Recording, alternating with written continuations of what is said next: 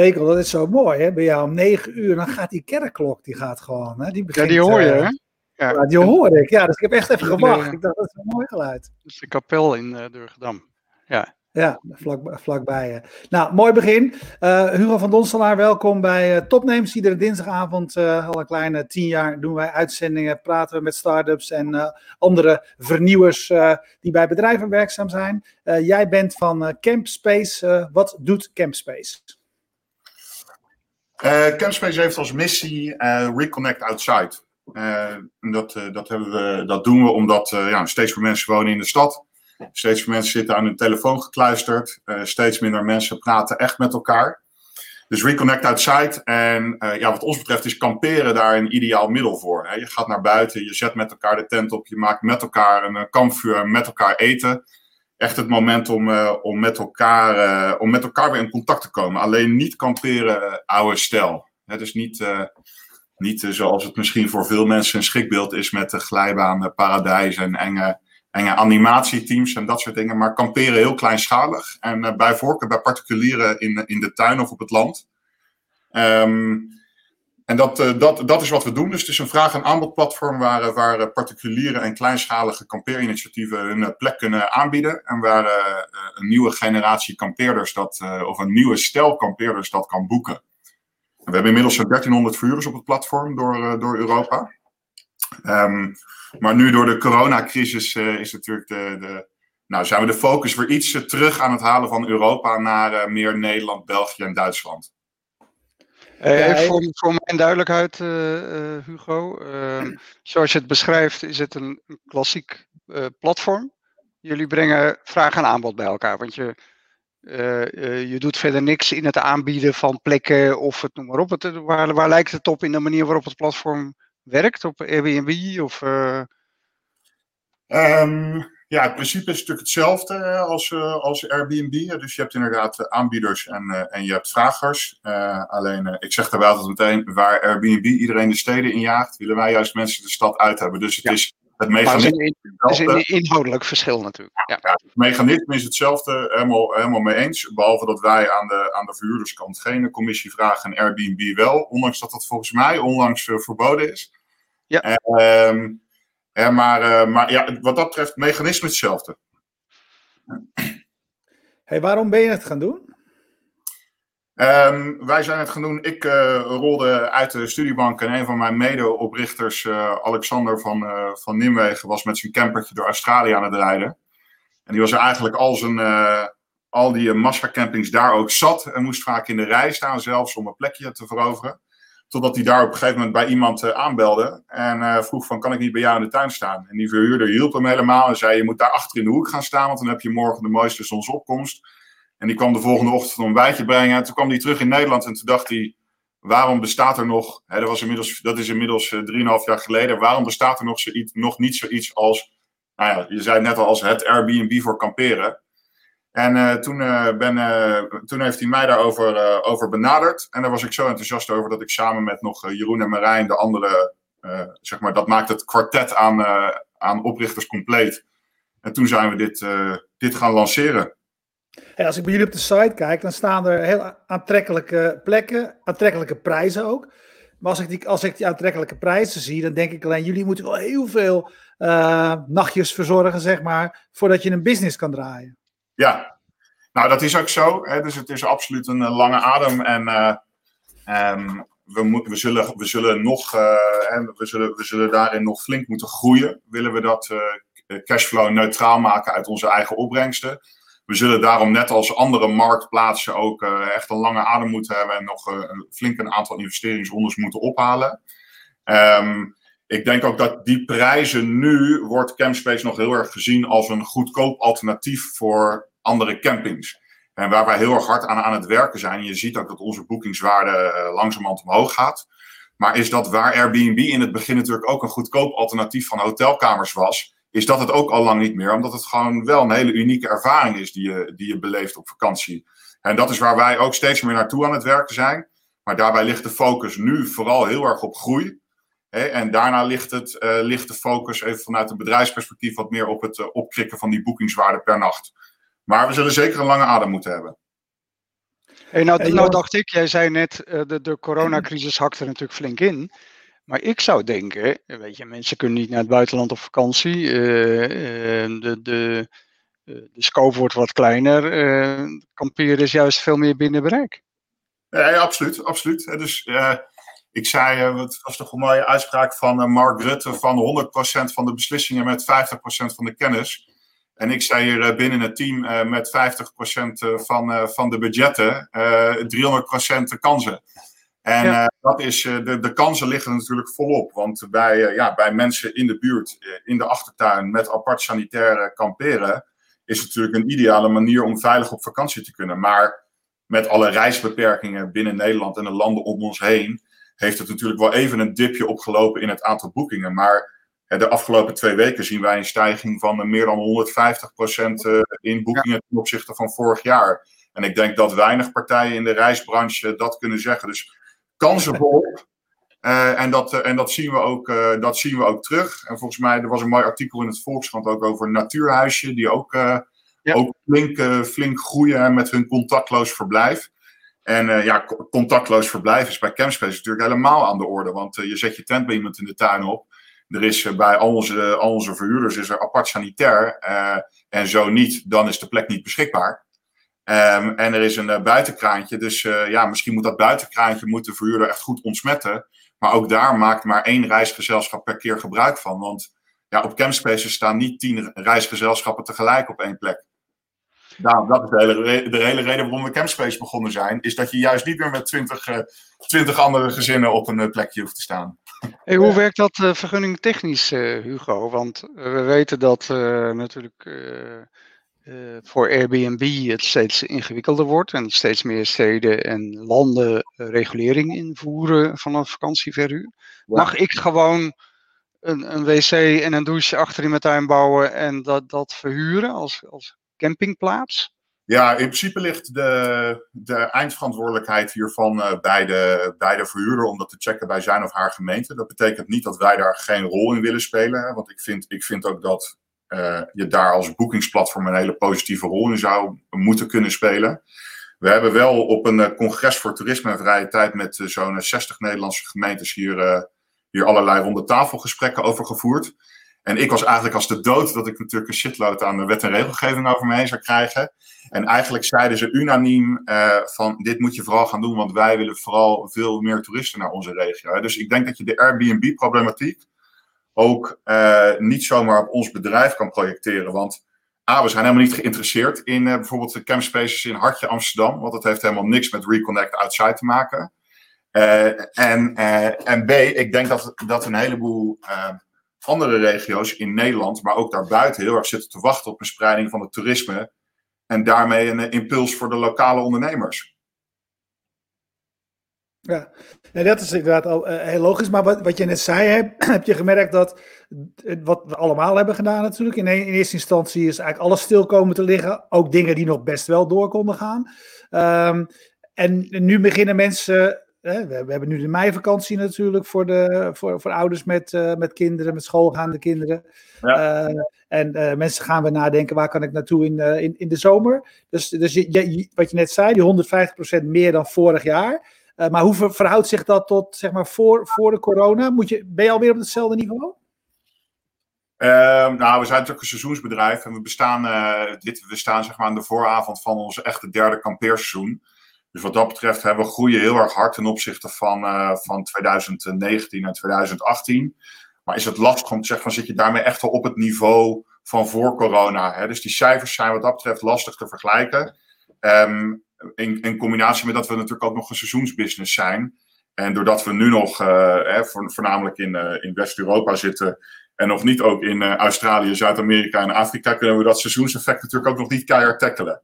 Nee. we proberen dat wel op allerlei manieren te verlengen. Hè. Dus dat we uh, permanentere locaties bij verhuurders aanbieden. Dus je ziet ook dat een aantal verhuurders bijvoorbeeld ja, een soort gepimpte retro caravans in de tuin zet. Ja, dan kan, je, dan kan je natuurlijk al net al wat langer verblijven dan dat je in je, in je festivaltentje bij iemand in de tuin staat. Hey, ik heb het gevoel dat jullie. Ja, steek, oh, jij, jij is, nee, jij is Blom. Ja.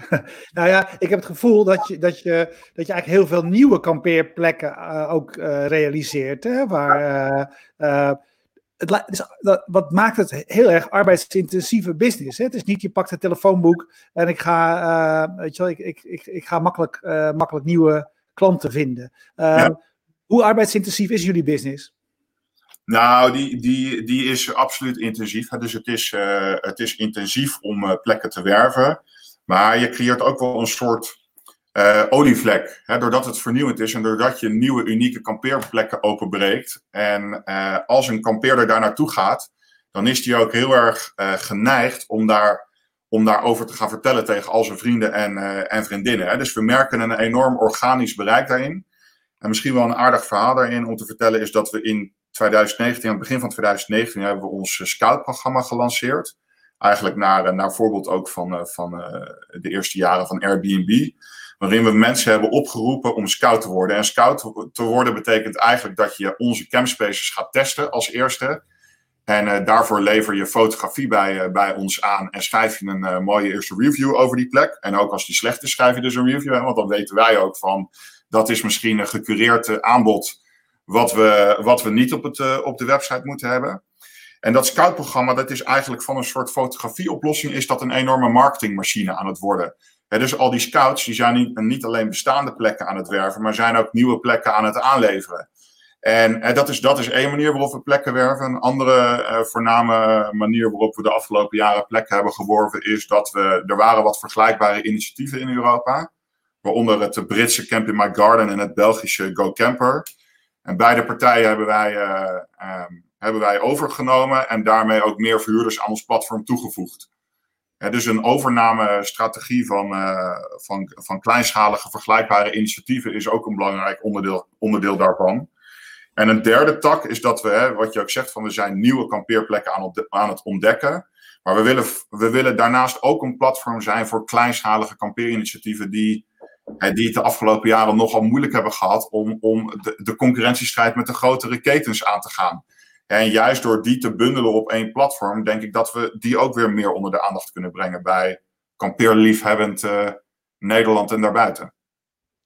Hey, waarin uh, ik, ik ken uh, één vergelijkbaar initiatief, omdat ik toen ik twee jaar geleden op vakantie ging naar Amerika dat gebruikte, HipCamp. Ja. Heel, heel groot in de Verenigde Staten. Uh, ja. Zijn jullie eigenlijk gewoon een, een, kopie van wat zij doen? Heel succesvol, hè? Uh, althans voor zover ik het kan beoordelen. Uh, flink investeringsgeld opgehaald, veel gebruikers. Ja, ja.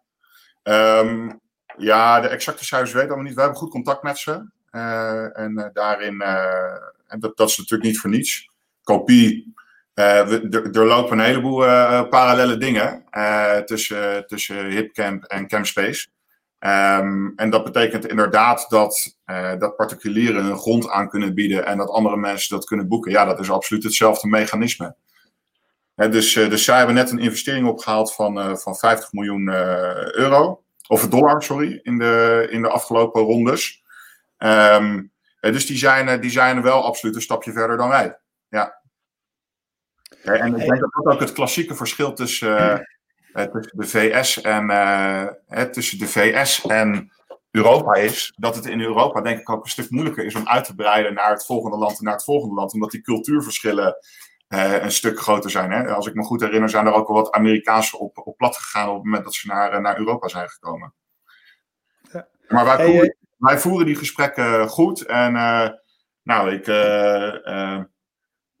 zeg maar, als ze, als ze ooit besluiten om naar Europa te komen, want dat is misschien uh, een van jullie vervolgvragen, dan zijn er natuurlijk een aantal scenario's voor ons. En uh, één, uh, één scenario is huilen in een hoekje en dat we heel erg bang voor ze zijn. Nou, dat is zeker geen, dat is zeker geen scenario. Een ander scenario is vol de concurrentiestrijd met ze aangaan. En een ander scenario is een samenwerking op wat voor manier dan ook. En voor, die, voor dat tweede en dat derde scenario Um, ja, zal je toch allebei gewoon vooral keihard moeten doorgroeien de komende, de komende periode. dus dat is waar we elke dag snoeihard voor werken.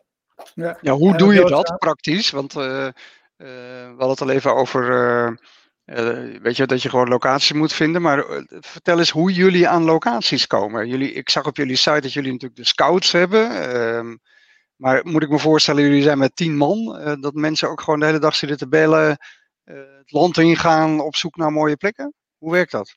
Ja, dat. Er zijn, uh, dat, dat doen we. We doen niet de hele dag zitten, zitten bellen naar plekken. Hè. Maar wat ik net zei is dat overnames en vergelijkbare initiatieven. kijken of je daar samenwerkingen mee kan aangaan. Is, is één manier. Het scoutprogramma is een tweede manier. Er zijn een heleboel communities online. Van, van fora tot Facebookgroepen met tuinliefhebbers. Waar, je ook, waar je ook plekken in kan werven. Uh, we zijn bezig met, met partnerships met een, met een aantal partijen die ook richting de tuinieren en verhuurkant gaan. Hè. Dus ook daarin zijn allerlei partnerships te bedenken. Dus we zetten daar verschillende kanalen voor in. Ook een stukje advertising online. Maar ja, dat is natuurlijk wel iets met het, met het uh, met de coronacrisis hebben wij de budgetten wel wat moeten uitsmeren over een langere tijd. Hè? Dus die, uh, die advertising, dat is nu wel een stukje teruggeschroefd. Dus het zal weer wat meer op, uh, op die creatieve manieren moeten, zoals in al die communities, flink veel herrie maken. Ja. Daarnaast denk ik dat we, hè, wat ook een belangrijke, maar iets minder goed, echt heel specifiek te traceren acquisitiekanaal van nieuwe verhuurders is gewoon media-aandacht. dus we, we, we, zijn, onlangs stonden we ook nog in de, in de Washington Post met een, uh, met een kop met uh, je, hebt, uh, je hebt misschien wel van Uber en Airbnb gehoord, maar heb je ook al van Campspace gehoord?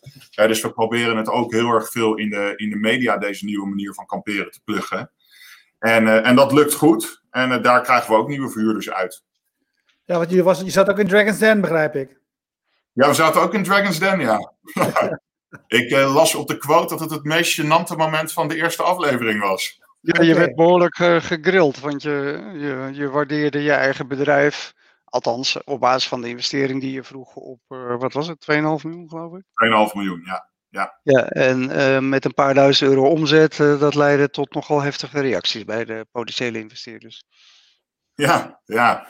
Nou ja, um, dat, dat scheen, ja, ja, ik heb dat zelf iets minder ervaren. Ik vond het zelf eerlijk gezegd ook een beetje een saaie saaie aflevering. Uh, omdat het in een hele technische discussie over de waardering kwam.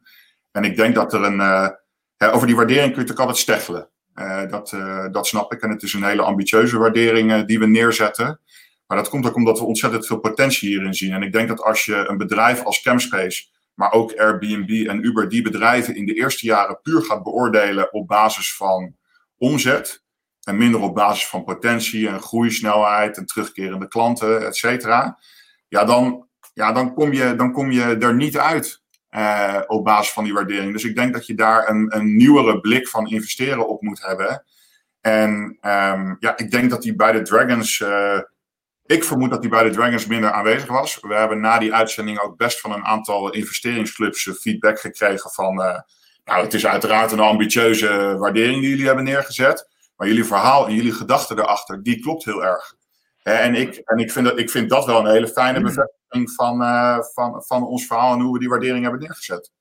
Ja, hoe, hoe zijn jullie nu uh, gefinancierd? Want uit dat, uh, die aflevering van het programma begrijp ik dat jullie wel op zoek zijn naar investeringen. Um, waar staan jullie nu? Um, en waar ben je naar op zoek?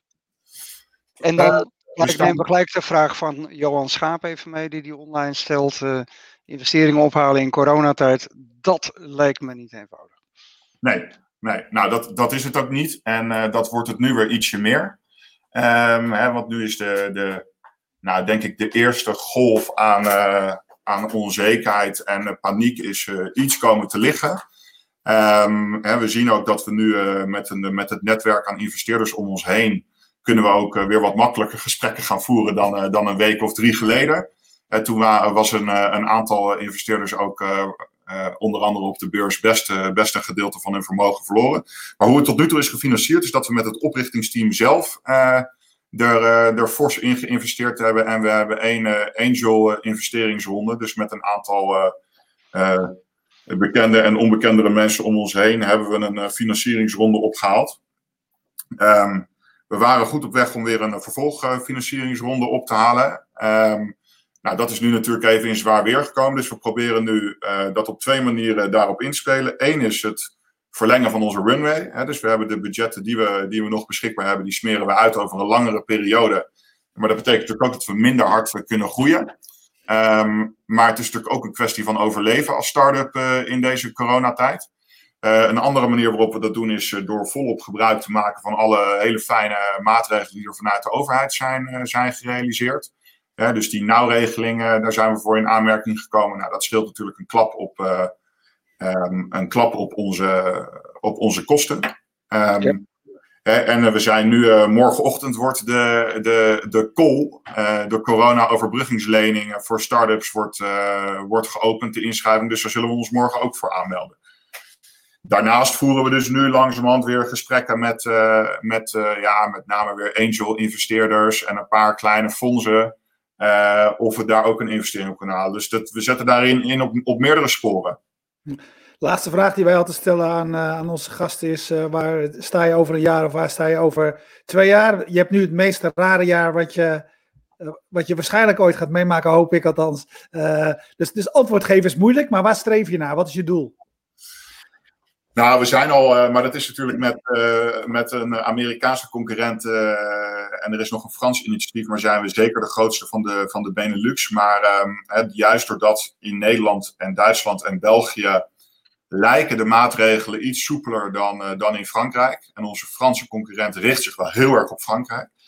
He, zou ik eigenlijk over 1 à 2 jaar absoluut een leidende positie in Europa willen hebben. Dat gaat nu nog een beetje uh, heads up. En ik zou vooral ook veel meer willen zijn dan alleen dat boekingsplatform voor kampeerplekken bij particulieren. Hè. Dus dat is echt misschien wel een langere toekomststroom dan, dan 1 à 2 jaar. Maar dat reconnect outside, hè, dat doe je niet alleen maar met, uh, met, met kamperen. Hè. Dus onder andere daarom zijn we nu ook met, hebben we met een uh, mooi ander initiatief, Honey Guide, en met Columbus Magazine hebben we de handen ineen geslagen. Daar zijn we de beweging uh, Stay Local mee begonnen. Waarin we eigenlijk natuurlijk twee mooie trends van stay at home en support your local proberen te combineren. En heel erg lokaal toerisme dicht bij huis te promoten. En ik zou, het heel, ik zou het fantastisch vinden als wij daar met Campspace een, eh, een, een, een, ja, een kartrekkende rol in kunnen spelen. Want ja, er moet gewoon veranderd worden in toerisme. Alleen daar worden we nu met onze neus opeens door de coronacrisis heel erg hard op de feiten gedrukt. Maar ook al die, al die cijfers van Amsterdam en Venetië en Barcelona, ze zijn natuurlijk echt tenen krommend wat het overtoerisme met die steden doet. Het is mm en over alle vliegbewegingen en plastic soep nog maar, niet, uh, nog maar niet te spreken. Dus we zullen ook binnen dat toerisme echt op een andere manier daarnaar moeten gaan kijken. En, ja, waar uh, ik altijd wel nieuwsgierig naar ben, Hugo, dat is dan mijn laatste vraag, wat jouw persoonlijke drijfveren dan zijn. Ben jij iemand die hier business opportunities ziet en, en je ziet een gat in de markt? Of terwijl je in de tussentijd het liefst op vakantie gaat naar uh, Bali, ja, Zuid-Amerika en andere exotische bestemmingen? Of voel jij hier ook echt iets bij? Nee, ik voel, ik voel hier absoluut iets bij. Um, en er zit ook een ondernemershart in, maar er zit ook een hart in van altijd iets terug willen doen. Ik denk dat je nooit als primaire drijfveer uh, geld verdienen moet hebben. Ik, ik doe ook allerlei andere initiatieven buiten Campspace waarin ik echt iets bijdraag uh, in mijn beleving aan de wereld een stukje mooier maken. Maar ik vind ook dat het een het ander helemaal niet in de weg hoeft te staan. dus ik vind echt, ik vind echt als ik uh, uit Amsterdam Centraal stap, en daar richting het centrum loop. Ja, ik weet niet hoe jullie je voelen uh, als jullie daar lopen, maar ik vind het echt een, ik vind het een gênante vertoning van overtoerisme. En als wij met Campspace een klein beetje kunnen bijdragen aan dat veranderen van hoe we met z'n allen toerisme beleven, ervaren en uitvoeren, ja, dan, dan, dan vind ik dat hartstikke gaaf. En als we daar nog een, een, een duurzame onderneming in kunnen starten, ook hartstikke gaaf. Hartstikke mooi. Heel mooi man. We hebben een uh, drukke avond, want we gaan nog twee interviews doen. Dus uh, we zijn een beetje gehaast. Maar uh, heel erg bedankt voor, voor je gesprek. Leuk om te horen. En ik zag een fantastische plek op. Ik, en ik ben zelf zo iemand die uh, het wakker worden voor mijn tent vind ik altijd wel leuk. In de tent vind ik zelf een beetje lastig. Maar toen ik deze site weer zag, dacht ik, nou ja, weet je, toch eens gaan kijken. Voordat, ja, uh, en, en, en, we hebben trouwens Hugo een heel mooi bruggetje. Want we, we hebben zometeen uh, Lucien Burm. Die komt praten over dat loket wat morgenochtend open gaat voor startups.